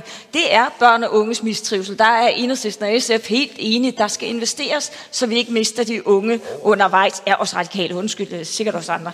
Øh, men der skal vi investere. Men pointen er jo også, at vi er også nødt til at kigge på nogle af dem, der er på deltid i dag, som gerne vil op på fuld tid. Det er noget, Venstre har snakket om. Det er et rigtig godt initiativ. Lad os gøre det. Mange af de pædagoger, der er derude, kan ikke få fuld tid i dag, vil faktisk gerne have det. Lad os løfte dem, eller nogle af SUSU-assistenter og SUSU-hjælper, dem vi mangler i velfærdssamfundet, der kunne vi også gøre noget. Lad os kigge på arbejdsmiljøet. Mange af de mennesker, der går ned i øjeblikket med stress, som jo skyldes, at de løber for hurtigt derude, hvis vi nu gjorde noget for, at de havde flere kollegaer, så ville vi skrue ned på stressen, så ville de også kunne arbejde med. Og så synes jeg jo selv, det er sådan, når man bliver ældre, det er faktisk ganske bestemmende, at fordi du er over 60, og du skal ud og søge et job, så kan du næsten ikke få et job i Danmark. Så har jeg hørt mange arbejdsgiver gerne have øh, masser af arbejdskraft, men de vil fandme ikke have de gamle. Og der synes jeg, at vi skal punkte dem en lille smule mere for at tage et ansvar, fordi man kan altså være en glimrende medarbejder, også selvom man er fyldt 60. Fedt. Det er svært at være uenig i. Vi skal også have universitetsbefolkningen på banen. Er der nogen, der har et spørgsmål eller to? En mikrofon. Om et øjeblik. En mikrofon herover. Altså, jeg skal love for, at altså 19 grader er jo den officielle temperatur, men temperaturen herinde er steget. Det er dejligt. Uh, hej, uh, Mathias Kant Farm. Uh, mit spørgsmål er, uh, ofte så er det, at uh, man hører, uh, når der er, man taler om udgifter til velfærdssamfundet, uh, lægemidler som uh, den helt store sluger. Uh, mit spørgsmål er, Øh, er der nogle måder, hvor det er, at øh, man kunne tænke på at regulere på lægemiddelforbrug i Danmark? Øh, der blev jo her for nyligt fra EU's side af indført noget lovgivning omkring øh, veterinærmedicinering øh, og nogle lidt strammere rammer for det. Lige netop Danmark var måske undtagelsen for, at det ville øh, sænke forbruget. Øh, men øh, hvad det nu det hedder, kunne det tænkes, at lignende lovgivning kunne blive indført på øh, det øh, mere øh, menneskelige sundhedsmæssige øh, niveau? Er vi klar til at tage nogle svære valg på sundhedsområdet, på medicin og hvad der er adgang til? Er der nogen, der tør byde ind på det? Det er et godt spørgsmål. Det er et svært spørgsmål. Ja, vi har jo et medicinråd. Altså, vi har jo et medicinråd, så vi har jo skabt en ramme om den der diskussion, og det, og det er en, en, en, en svær diskussion. Og nu trækker så noget ind i den, som måske er upassende i forhold til, at vi snakker om sundhed, primært handler om at helbrede folk. Men vi har jo også en enormt stærk øh, medikoindustri i Danmark, som vi tjener mange penge på. Og, og der gælder jo det for den, ligesom alle mulige andre brancher, at der skal også være et hjemmemarked. Altså, mm. fordi det er meget, meget svært at være Novo Nordisk at tage ud i verden og sige, I skal købe den her. Er det noget, I bruger der, hvor I kommer fra? Nej, det gør vi så ikke, fordi det er ikke... Altså, og derfor er der jo sådan en balance mellem, øh, du ved, hvornår tager man noget innovativ medicin i brug, som er dyrere end det, man havde, selvom effekten måske kun er marginalt forbedret i forhold til også at understøtte den her skov af forskningsmiljøer og, og medikovirksomheder i Danmark. Det, det er ikke nogen nem diskussion, men vi har et medicinråd. Og jeg tænker også, at vi, øh, i hvert fald hvis man gennemfører vores forslag, om vi får et dansk sygehusvæsen i stedet for at have fem, og jeg snakker ikke sundhedsvæsen, jeg snakker sygehusene, sådan set også vil få en større kritisk masse, både til at have samspil med den private sektor, men i øvrigt også til at tage nogle af de her tunge prioriteringsdiskussioner, øh, fordi man lidt enklere ligesom kunne lade det glide ned gennem alle landets sygehuse. Ikke? Tak. Laura? Ja, altså for mig for os konservative, der handler det jo grundlæggende om, at vi skal gøre kagen større. Fordi hvis Danmark bliver rigere, hvis vi vækster, vores velstand vækster, jamen så får vi jo råd til dyre medicin. Det hænger sammen. Den måde, vi skal finansiere vores behandlingsformer, den medicin, vi skal købe i fremtiden, den afhænger af, hvor rig er Danmark. Hvor rigt er Danmark? Hvordan vækster vi? Og det er kun et sted, vi kan vækste. Det er i erhvervslivet. Penge, vi har i Danmark til at bruge til behandling i sygehusvæsenet og i sundhedsvæsenet, de kommer fra det, vi tjener i erhvervslivet. Og der er vi også nødt til at tale lidt mere om, hvordan skal vi gøre kagen større? Hvordan skal vi tjene penge i det her samfund? Der bliver kun talt om, hvordan skal vi investere mere fra ABC til Ph.D. og, og hvor skal vi bruge penge? Men der bliver ikke talt om, hvordan penge tjenes. Hvor, hvad er rammebetingelserne for vores erhvervsliv? Det er helt afgørende, at vi også får flere politikere til at interessere sig for det spørgsmål. Fordi ellers har vi ikke råd til den bedste behandling i fremtiden. Og Det, det ved Pelle. Har jeg set. Hvordan skal de penge tjenes? Det er en lidt mærkelig påstand, du kommer med, Laura, at hvis, hvis vi gennemfører jeres reformer, så får vi råd til mere i den offentlige sektor. For virkeligheden er jo, at I vil skære milliarder på det offentlige forbrug. Altså, så, så det hænger simpelthen ikke sammen. Godt være, at I siger, at samfundet bliver rigere, men vi får færre penge at bruge på vores sundhedsvæsen, færre penge at bruge på vores uddannelse, færre penge, og det, det kan du ikke diskutere. Hvis man tager penge op af den kasse, vi bruger til at finansiere det, så bliver der færre penge. Men Pelle, bare lige for at være fair, så foreslår vi ikke at skære i den offentlige sektor. Vi foreslår en 0,1 vækst. Ah, men vi havde Laura. 6 milliarder i 2030. Okay, okay, okay, Hvis okay. jeg lige, hvis jeg lige må gøre det færdigt, Laura. Det, Meget det, kort. Det, det, svarer lidt, det svarer lidt til, at du har to børn, og så får du tre børn, og så deler du lommepenge ud på dem alle tre, og så siger du, det er ikke en nedskæring. At der kommer flere ældre, øh, som, som vi skal finansiere. Og så bare omkring det der med, at vi skal have, have, have råd til det, og det er vores erhvervsliv. Prøv at høre her. Danmark har et fantastisk erhvervsklima. Vi øh, ligger år efter år som nummer et på Forbes liste over, hvor det er bedst at starte virksomhed. Vi har årtier med overskud på handelsbalancen og betalingsbalancen. Hvad betyder det? Det betyder, at vi har en vanvittig kon- god konkurrenceevne. Så den her sang om, at det går ikke godt, vi, vi, vores økonomi stortrives lige nu. Vi ser ind i nogle udfordringer snart. Det er jo lidt sjovt. Lige nu diskuterer vi mangel på arbejdskraft. Om et år så diskuterer vi arbejdsløshed, for vi kigger ind i en krise, som ikke er udløst af vores egen økonomi, men nogle globale forhold. Men det skal vi bare forberede os på, at det kommer til at ramme. Det kan være, at vi kommer tilbage til det på det sidste tema, og Pelle, den der metafor, så skulle du prøve at have fire børn, vil jeg sige. Vi kan lige, vi kan lige nå et enkelt spørgsmål mere. Er der en mikrofon herover? Kort, fordi vi løber tør for tid. Ja, jeg hedder Nicolas, jeg studerer matematik, en kandidat. Øhm, En gennemsnitlig kandidatstuderende på Science bruger 46 timer om ugen på at studere. Hvor mange timer forventer I egentlig, man skal bruge på at studere og have arbejde ved siden af, som er blevet foreslået? Det var mit korte spørgsmål. Bum, shakalaka. Hvad, hvad, forventer I, øh, hvad forventer I af de unge mennesker? 46 timer plus øh, erhvervsarbejde, er det fair? Lars Lykke? 46,5. 46,5. Nej, men det er bare for at sige, at man skal altid lige give den en nyk mere. Okay. 10 Nej, helt ærligt, det kan jo ikke sidde og sætte timetal på det, vel? Nej. Men er det rimeligt, tror jeg, der ligger som et underliggende spørgsmål? Er det rimelige krav, der stilles til de unge mennesker i dag? Jeg tror, hvis vi begynder at sige, at man er nødt til at få sig et job ved siden af, for, og det har de fleste jo faktisk, for overhovedet at kunne klare økonomien, så, så begynder det jo at blive, altså, så bliver det sværere og sværere. Der er nogen, der er nødt til at tage ret store lån for at kunne klare sig igennem deres uddannelse. Hvis man bor her i København, er det jo umuligt at få en bolig, øh, uden at du at du kan ikke betale for din SU i hvert fald. Det er helt umuligt. Så, så vi har nogle udfordringer der. Men jeg vil sige, egentlig synes jeg, det er sundt nok også at have et studie, øh, job ved siden af en studie. Og det er i forhold til, hvis man gerne vil have et arbejde bagefter. De der forbindelser, der sker under ens studietid, gør faktisk, at man er nemmere ved at få et job bagefter, fordi man har fået nogle relationer. Men jeg synes jo også, at man skal sørge for, at man kan bruge tiden på at studere, når man faktisk studerer. Så det er ikke fordi, jeg tænker, at man bare skal ud og finansiere det hele, som Venstre gerne vil gøre, ved at man faktisk skal få skåret et år af SU'en. Det mener jeg ikke er nogen god idé. Pelle? Ultrakort. Man skal kunne leve af sin SU sådan nogenlunde. Det nytter ikke noget, at man i de øh, uddannelser, hvor man faktisk har øh, så meget øh, undervisningstid, ikke kan betale. Lige nu, der er SU'en blevet udhulet gennem mange år, og, og, og, og nu, nu står vi så i en inflationskrise, og jeg skal gøre det ultra kort.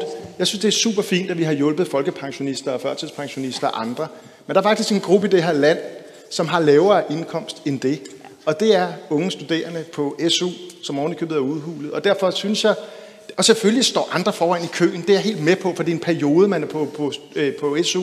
Men vi bliver nødt til at diskutere, hvordan vi hjælper unge mennesker gennem den her krise, hvor elregningen stiger, gasregningen stiger, huslejen stiger, fødevarene stiger. Vi kan ikke bare kigge den anden vej. Men Pelle, der er jo ikke en eneste offentlig udgift, du ikke vil forhøje, bortset fra forsvaret. Så der er jo ikke penge til alt det, du siger, jeg har også, der, jeg har Ole, også et vi har, Jan, Jan har været så uh, gentlemanagtig at markere. Værsgo. Jamen, tak for det. Øh, altså, nu bliver jeg korrekset før, fordi jeg sagde, at man også ville skære det over medicin og jurastudiet, og det ville man ikke, og tak for det. det går jo ikke rende rundt og siger forkert ting. Til gengæld tror jeg godt, at piger ved, at vi ikke vil skære det over SU'en. Altså, den tid, studier er normeret til, skal man selvfølgelig også kunne få SU til. Men det her med, at man kan få øh, SU til et år ud over normeret tid, det er den, vi foreslår øh, at fjerne. Og erstatte, erstatte med en øh, lånemulighed. Øh, med hensyn til øh, studierelevant arbejde, der er jeg sådan set helt enig at det er en rigtig god idé at have et arbejde ved siden af, fordi så får man den der vekselvirkning mellem teori og praksis, som gør, at man bliver en langt øh, bedre kandidat, øh, når man bliver øh, færdig. Men hvor mange timer man skal bruge på sit studie, altså hvis det var mig, der læste matematik, så skulle jeg nok bruge 70 timer om ugen, fordi grunden til, at jeg blev jurist, det er, øh, som vores lærer i nationaløkonomi sagde til os, det er jer, der går i koma, når jeg ser en brøkstreg. Helt så slemt var det dog ikke, men, øh, men, men lidt er det selvfølgelig om snakken, så, øh, så stor respekt. Og hvis man ikke har tid til et arbejde ved siden af, så skal det selvfølgelig også være muligt at få tingene til at hænge sammen med SU plus lån. Ida får den sidste bemærkning, før vi skal ja. videre til krisen. Ja, altså problemet i de fleste uddannelser er jo egentlig for få timer. Det er ikke for mange. Altså langt de fleste af vores universitetsuddannelser mangler tid med underviseren, mangler tid til feedback og mangler undervisningstimer.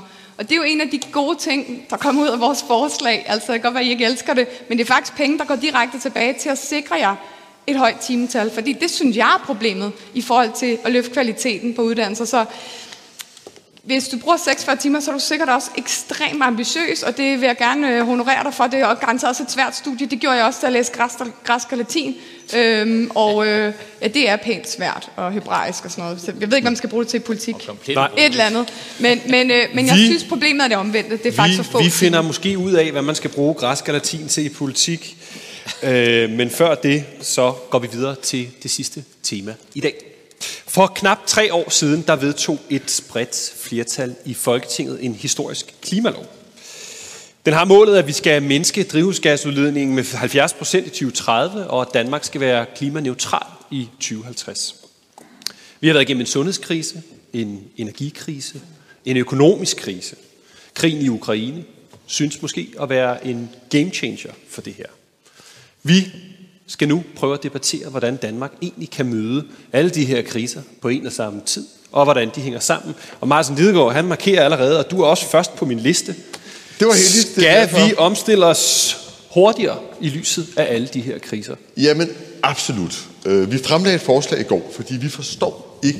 Alt det hænger jo sammen, som du siger. Nu spurgte øh, Pelle jo, hvad skal vi gøre med, med de studerende på inflation? Det vi burde gøre lige nu, var jo at sige, hvad er den primære årsag til inflationen? Der er flere årsager, men den, en af de primære årsager er jo de stigende gaspriser, der også fører til stigende elpriser, og som har drevet hele inflationen i det europæiske marked. Og noget af det, jeg så jeg forstod, det var, da vi, da vi havde coronaen, der manglede vi vacciner, vi manglede test, vi manglede personale til at vaccinere og teste. Vi skaffede det hele på ganske få måneder ved en kæmpe kraftanstrengelse. Nu mangler vi så varmepumper, vi mangler fjernvarmerør, vi mangler vedvarende energi, og vi mangler folk til at installere det hele. Hvorfor gør vi ikke det samme, som vi gjorde under corona? Og det er det, vi har foreslået i går. Altså, vi har nu kigget på det.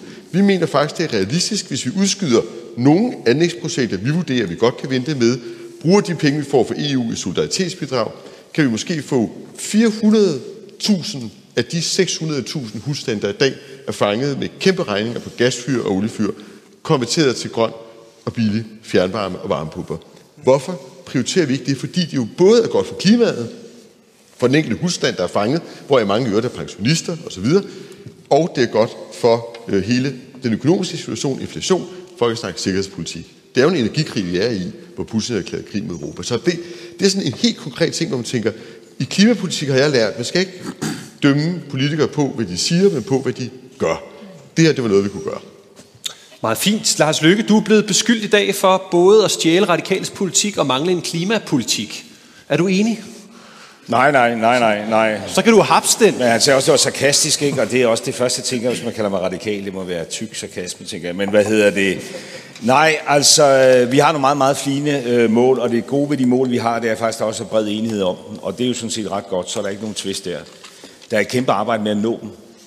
Der er kæmpe arbejde med at nå dem, ikke? og så bliver det lidt kedeligt her. Men i dag fik vi jo den her melding fra Ørsted og, og Copenhagen Infrastructure Partners om at lave fire store anlæg på hvad 5,3 øh, gigawatt, en fordobling af den danske elkapacitet på det, der hedder åben dør-ordningen, som i virkeligheden jo var tænkt øh, til sådan øh, kystnære øh, vindmøller. Ikke? Og lige før den ordning lukker 1. juli, så smed de lige en ansøgning ind.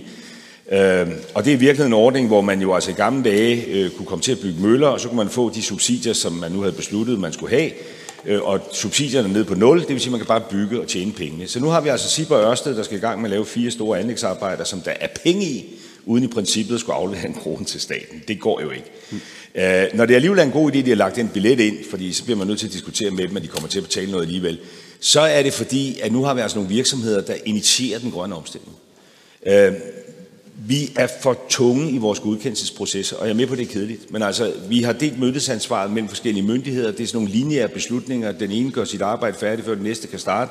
Og der synes jeg, der er et rigtigt perspektiv i det der med at tænke, kunne man lave sådan en grøn nost? Mm. Altså, vi har den der nost, når der er terrortrussel, når der var covid, hvor alle myndighederne sætter sig sammen. Hvis vi skal nå den grønne omstilling i 2030, så vil det være en kæmpe god idé at lave sådan et, øh, jeg har sagt et war room, ja. sådan at man parallelt får lavet alle de her øh, myndighedsgodkendelser. Øh, vi har jo nået det punkt nu, hvor det historisk var sådan, at vi spandt øh, skattepenge i halen på den vedvarende energi. Nu kan fællesskabet tjene penge på den vedvarende energi. Kapitalen er derude, øh, risikoparatheden er derude, det er sådan set bare kommet komme i gang. Og en af grundene til, at vi skal skynde os, det er, at alle andre lande, de arbejder også i sådan 2030-perspektiv. Det vil sige, når vi kommer seks år længere frem, så står hele Europa og efterspørger stål, og vi har ikke lyst til at købe det i øh, Kina, og hele Europa står og efterspørger ingeniører og dygtige uddannede arbejdskraft, så vi skal rykke lidt hurtigere. Ja.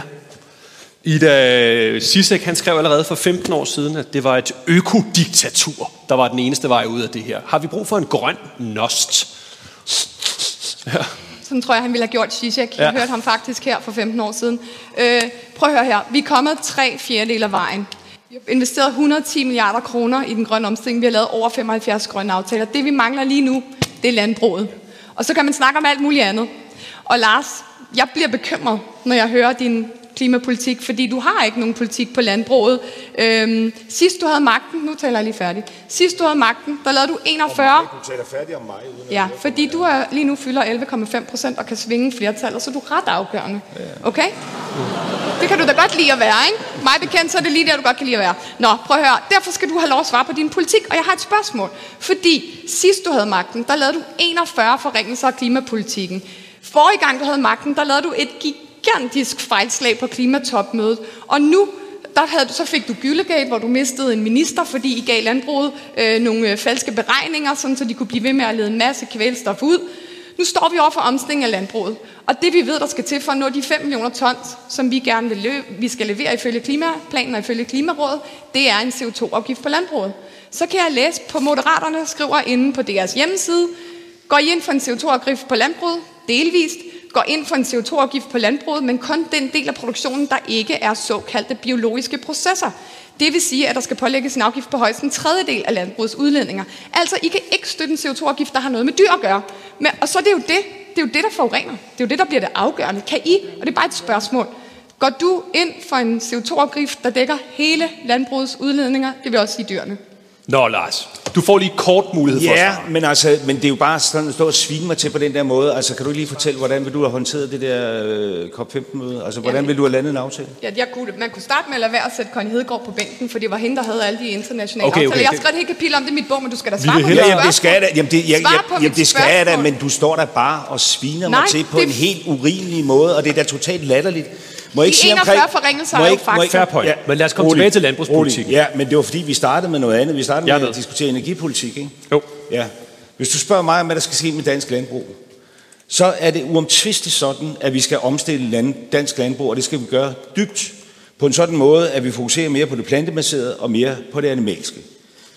Det er ikke noget med, at vi skal sætte en standard, der hedder, at vi kun har de dyr, vi selv kan spise. Det tror jeg er relativt uklogt. Det vil også gå ud over eksporten.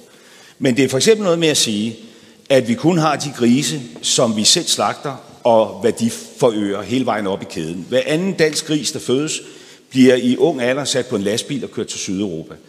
Det skal vi på en eller anden måde have væk. Det skal vi. Der er ikke noget god samfundsøkonomi i det. Det er dårlig dyrevelfærd. Det er det også dårlig CO2. Ikke? Så det er den vej, dansk landbrug skal gå. Vi er helt åbne over for en CO2-afgift, ligesom alle mulige andre. Det kloge er at vende på det ekspertudvalg, I selv har nedsat, for at finde ud af, hvordan man skruer sådan en sammen. Og så tror jeg, der er en anden ting, der er klog.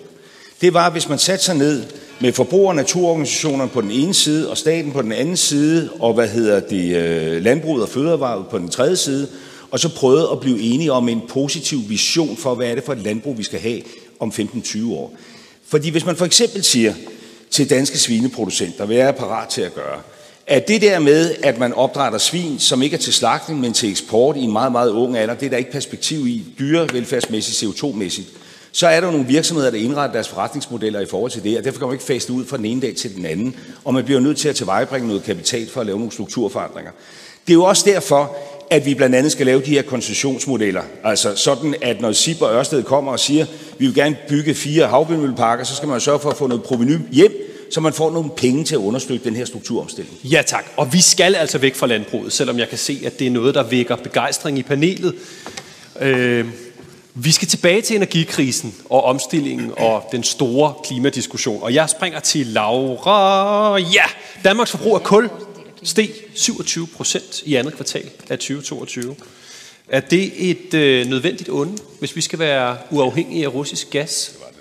Nej, altså Danmark er jo virkelig gode til vedvarende energi, så det er jo den vej, vi skal gå, og i virkeligheden fuldstændig det, som Lars siger, der er rigtig mange private, der er interesseret i vindmølleeventyret, som vi har startet i Danmark, og vi har masser af plads øh, på de danske have, så det er da vedvarende energi, der er vejen frem, men det kan bare ikke stå alene. Vedvarende energi er rigtig godt, når øh, vindmøllerne, når det blæser, og solcellerne, når solen skinner, men vi er jo nødt til også at kigge på den lidt længere bane og sige, hvad skal vi så der?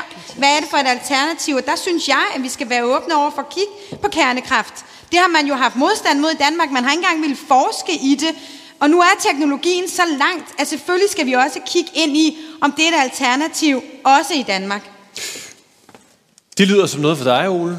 I vil gerne være et nukleart forgangsland. Ja, vi vil gerne øh, være øh, ikke håndsky over for moderne kernekraft. Vi har jo i dag et forbud mod at forske i øh, kernekraft. Nej. Det har vi ikke. Det har vi i hvert fald haft i lang tid. Er, er, det, er det lige blevet afskaffet, Nej, uden at jeg har hørt det? er masser år. Det er to gjort, det er masser det, der, er ikke, der er ingen forskningsmidler, der bliver uddelt til forskning i kernekraft, så det var, det, er der, øh, det var den rigtige. Øhm, og det skal vi da holde op med. Altså, øhm, der skal have en, vi skal have en kæmpe udbygning af vores havvind. Der er plads til 17 gange så mange øh, havvindmøller, som vi har i dag. Øh, vi er i den meget heldige situation, at øh, modsat tidligere, hvor vi skulle have milliarder op af statskassen i tilskud til at sætte havvindmøller op, så vil investorer, private investorer nu tilbyde os penge for at få lov til at låne havarealerne til at sætte vindmøller op. Det skal vi udnytte, og vi har været for langsomme til at sætte en masse udbud i gang her for at finde ud af, øh, hvem vi gerne sætte op. Vi skal også være mere åbne over for landvindmøller og for solceller på land. Det er noget, der er billigere, og det, kom, det kan også sættes op på kortere sigt. Desværre er der det her, vi kender også fra boligdebatten, når enhedslisten ikke vil have nye boliger nogen steder i København. NIMBY, not in my backyard. Altså øh, folk, der siger, nej, men vi vil, hvis vi kan se uh, ane tre havvindmøller, der står derude kystnært, så, så skal det simpelthen ikke have lov til at gennemføres. Og der bliver vi nødt til at have som politikere en større øh, have ryggrad til at sige, ja, det kan godt være, at du synes, det er lidt irriterende at have tre havvindmøller øh, kystnært stående. Men ved I hvad? Vi gør det faktisk alligevel, fordi det er et gode. Og så er der det der med, når vinden ikke blæser og solen ikke skinner, hvad så? Der skal vi have en åbenhed over for, at det muligvis er kernekraft. Du kan ikke se det, men herover der vækker du både begejstring og bestyrtelse. øh, jeg, jeg er ikke sikker. Jeg, jeg, jeg tror, han skabte øh, begejstring, fordi både Martin og jeg har jo kæmpet for de her energiøer derude. Det er ikke ligefrem Liberale Alliance, der har hjulpet har, mest. Men fred være med det. Fred være med det. øh, og I er også med nu, det er godt, men det har været en kamp, og jeg anerkender, at radikale i hvert fald har gået meget langt frem for, på den dagsorden. Men, men jeg synes jo, når vi diskuterer klimaet, så jo, en del af den er energi. Hvad er det for nogle energikilder, der virker? Jamen det ved vi. Det er vind, det er sol, øh, vi skal til at forske i PTX, øh, og vi skal have mere af det, det vil sige noget af det flydende brændstof, man kan bygge blandt andet på skibe og andet. Så er der nogen, der begynder at snakke om A-kraft som sådan, wow, det er den nye øh, fede eller et eller andet. Altså, så bliver jeg bare nødt til at sige, at det tager altså lang tid at bygge et A-kraftværk. Det tager i snit 10 år, hvis man er heldig. Det er man ikke i øjeblikket rundt omkring i Europa, der tager det længere tid. Det koster over 50 milliarder kroner. Vi tjener penge på vind og sol. Det er ikke en god investering, men det er jo typisk de borgerlige, der ikke har styr på økonomien. Tre, så handler det også om, hvor skal vi gøre affaldet? Fordi vi kan, jeg ved godt, Pernille Vermund har sagt flere gange til mig, at hun gerne vil have det i sin baghave. Jeg er ikke sikker på, at alle i Nordsjælland har det lige sådan. Og fire, så er det altså uran, vi taler om. Hvor skal man hente det? Skal vi hente det i Rusland, ligesom vi gør med gassen? Altså, energipolitik er sikkerhedspolitik, og jeg synes, vi skal begynde at snakke ligesom tyskerne om frihedsenergi. Det er vedvarende energi, det er sol, det er havvind og alt muligt andet. Det er den vej, vi skal. Det er den ene del. Så skal vi også spare på energien. Vi har energibesparelser, vi har store virksomheder, som lever af det, men det er noget af det, der har gjort Danmark stærkt. Det er også den energi, vi ikke bruger, fordi vi har isoleret vores huse og alt muligt andet.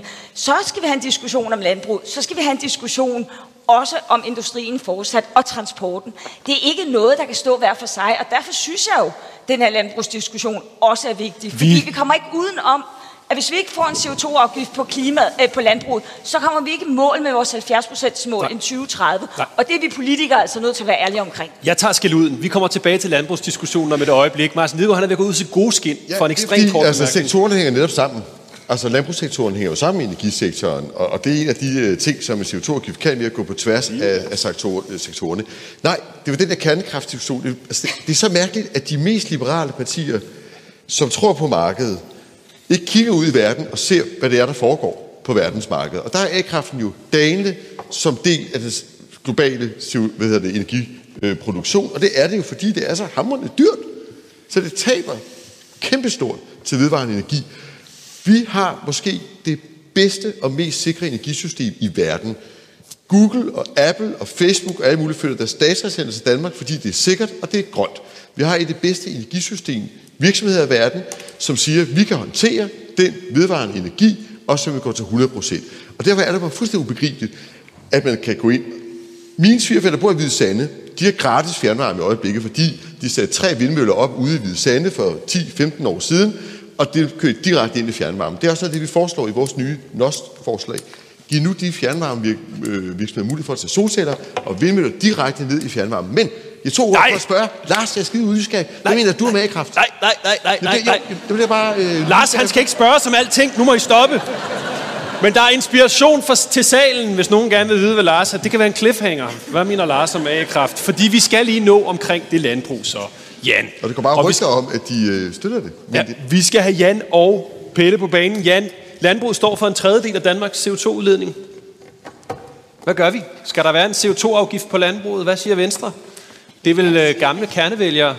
Jeg er ikke, øh, jeg er ikke Venstres, øh, jeg er ikke Venstres største landbrugsekspert. Der er rigtig mange i Venstre, der går rigtig meget op i landbruget. Det, det vil Lars kunne bekræfte.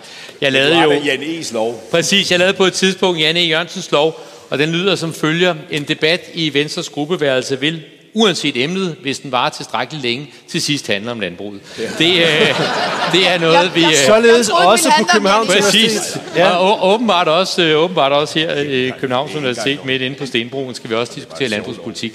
Øh, selvfølgelig kommer vi til også at skulle have CO2-afgifter på landbruget. Men der er altså nedsat et ekspertudvalg, og øh, jeg, der er et parti engang, jeg tror det var dit eget, øh, der stod sig op på, vi lytter, punktum, nyt afsnit også til eksperter. Øh, og derfor synes jeg, det er fair nok, at man, øh, at man lige venter på, at det ekspertudvalg kommer til en model til, hvordan det kan skrues sammen. Fordi det er jo altså noget sværere at omstille en ko, end det er at omstille øh, produktionen af øh, brændstof øh, eller andet. Fordi, altså, ja, det håber jeg, øh, er måske nogen fra, fra KU Live til stede, der kan øh, forklare det, hvis sidemanden ikke er med på det.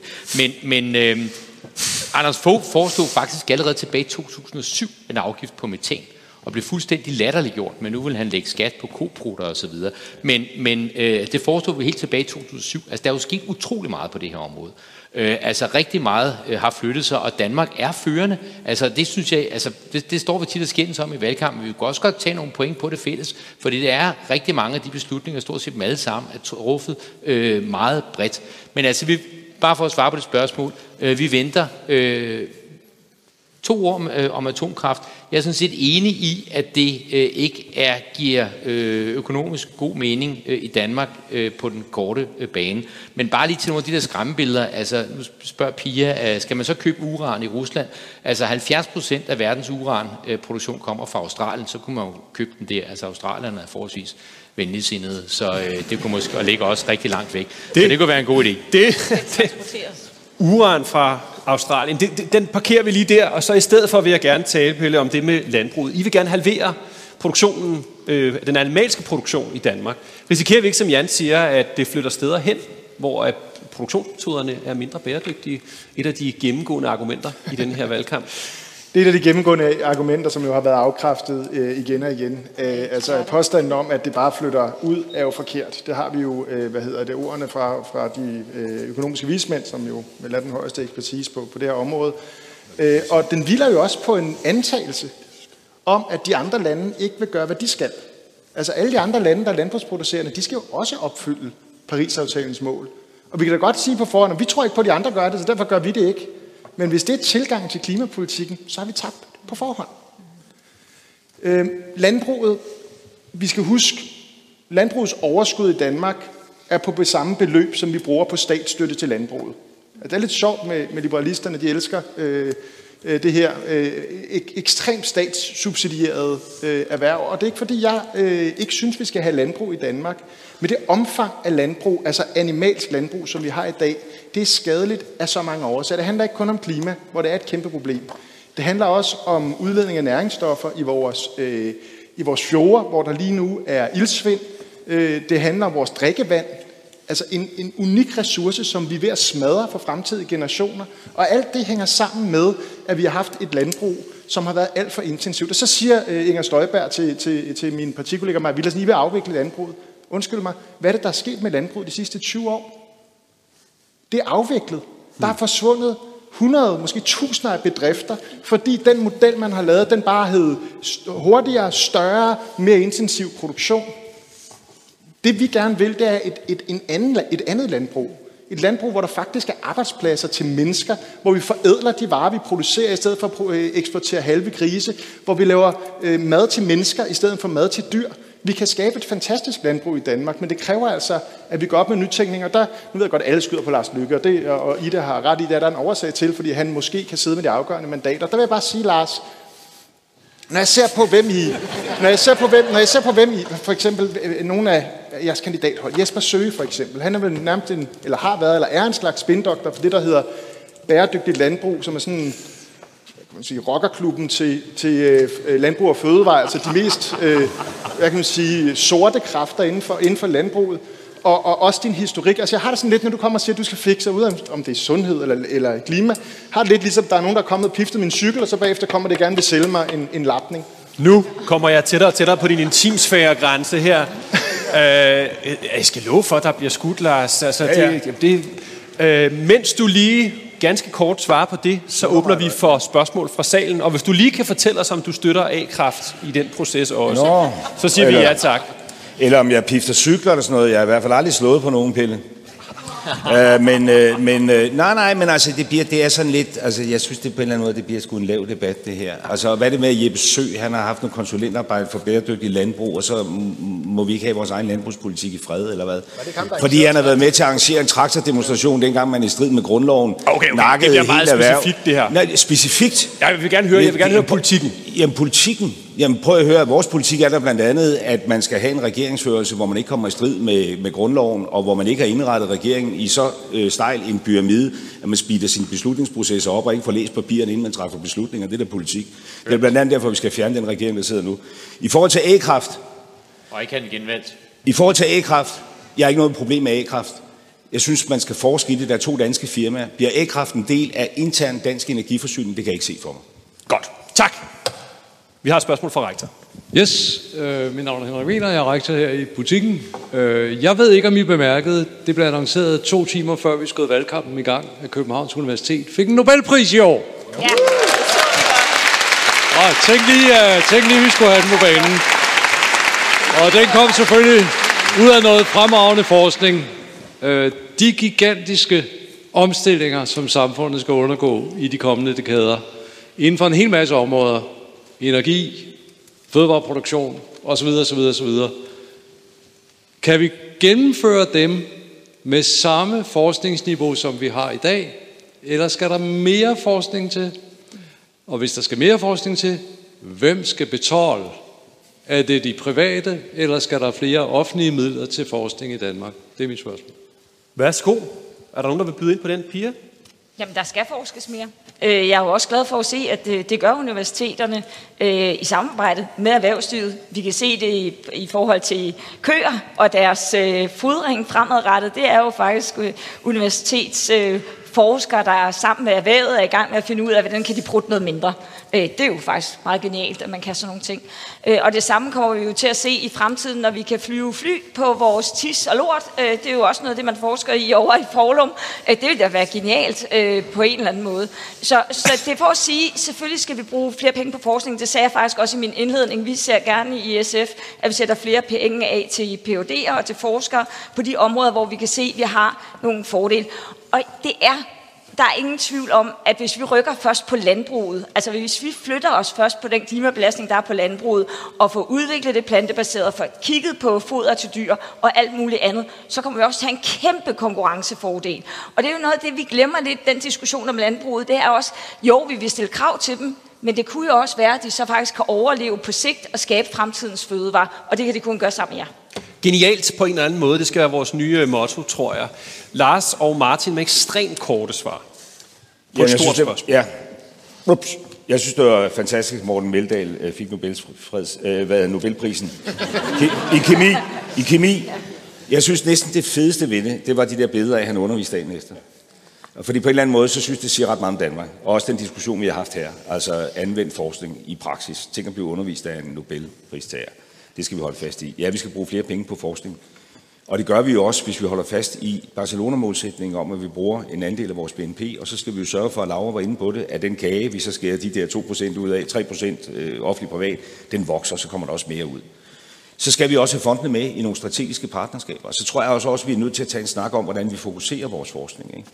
Nu har vi for eksempel foreslået, at al den forskning, der er på sundhedsområdet, der burde vi sige til vores forskere, at de som udgangspunkt skal ansættes PUD'er i nogle delestillinger, øh, sådan at de også arbejder i klinikken. Og så bliver den del af det 20 procent, så er det jo ikke forskning, altså så er det klinisk arbejde. Ikke? Så kan man på en og samme tid både have nogle flere PUD'er, der både har altså kliniktid og noget forskning, og få forskningsdelen af budgettet til at række lidt længere.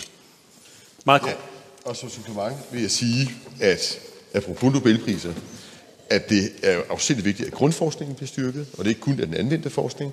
Øh, vi synes, den anvendte forskning er vigtig på det grønne område. I øvrigt er det også på forsvarsteknologi. Jeg tænker, at radikalt skal stå og sige det, men kom lige fra et besøg. Vi skal styrke den europæiske sikkerhedspolitik. Det er ikke sikkerhedspolitik, vi snakker i dag, men der ligger nogle kæmpe muligheder i, når nu alle er enige om i hele Europa at bruge flere penge, at de teknologier, vi udvikler forsvaret, også skal bruges civilt på det grønne område, til power to x osv. Og det kan komme oven i den 1%, vi er enige om til forskning. Så, så både det, og endelig synes vi, at fradraget for private virksomheder, det spurgte du også til, bør fastholdes, altså forskningsfradraget. Vi kan lige nå et ekstremt kort sidste spørgsmål. Og der er et hernede bagved. Er der nogen, der er ekstremt hurtige med en mikrofon? Det skal være kort og præcist. Ja, Michelle Rasmussen, Executive Intelligence Review. Jeg synes ikke, vi skal hoppe over, hvordan vi afslutter krigen i Ukraine. At der er en kandidat uden for partierne, Tom Gillesberg, som mener, at det vigtigste er, at hvordan vi forhindrer, at det bliver til atomkrig. Og at i stedet for, at det vigtigste er at uh, blive ved med at sende våben, at det vigtigste er at få fredsforhandling i gang og etablere en ny uh, øh, sikkerheds- og udviklingsarkitektur. Tak. Hvad, hvad er det, er det vigtigste nu at sikre fred i Ukraine, eller hvor, lad os bare, den er sgu meget fed at runde af på, meget kort, Pelle. Problemet lige nu er, at de to ting altså ikke står i modsætning til hinanden. Hvis ikke vi hjælper Ukraine med at forsvare sig selv mod den øh, russiske invasion, så kan det godt være, at der bliver fred, men så bliver det øh, det, man kunne kalde øh, kirkegårdens fred. Altså så bliver det besætternes fred øh, og afslutningen på Ukraine som en, som en fri og selvstændig nation. Så det har været, selvom jeg hader krig, så krig er det værste, mennesker kan finde på. Det ødelægger mennesker, det ødelægger lande øh, for generationer. Øh, så, så øh, var ukrainerne, havde altså ikke noget valg, de blev invaderet af et andet land, og derfor skylder vi at støtte op om deres øh, modstandskamp. Men det er enormt vigtigt, at vi samtidig får åbnet for et spor, der handler om, om, om fred.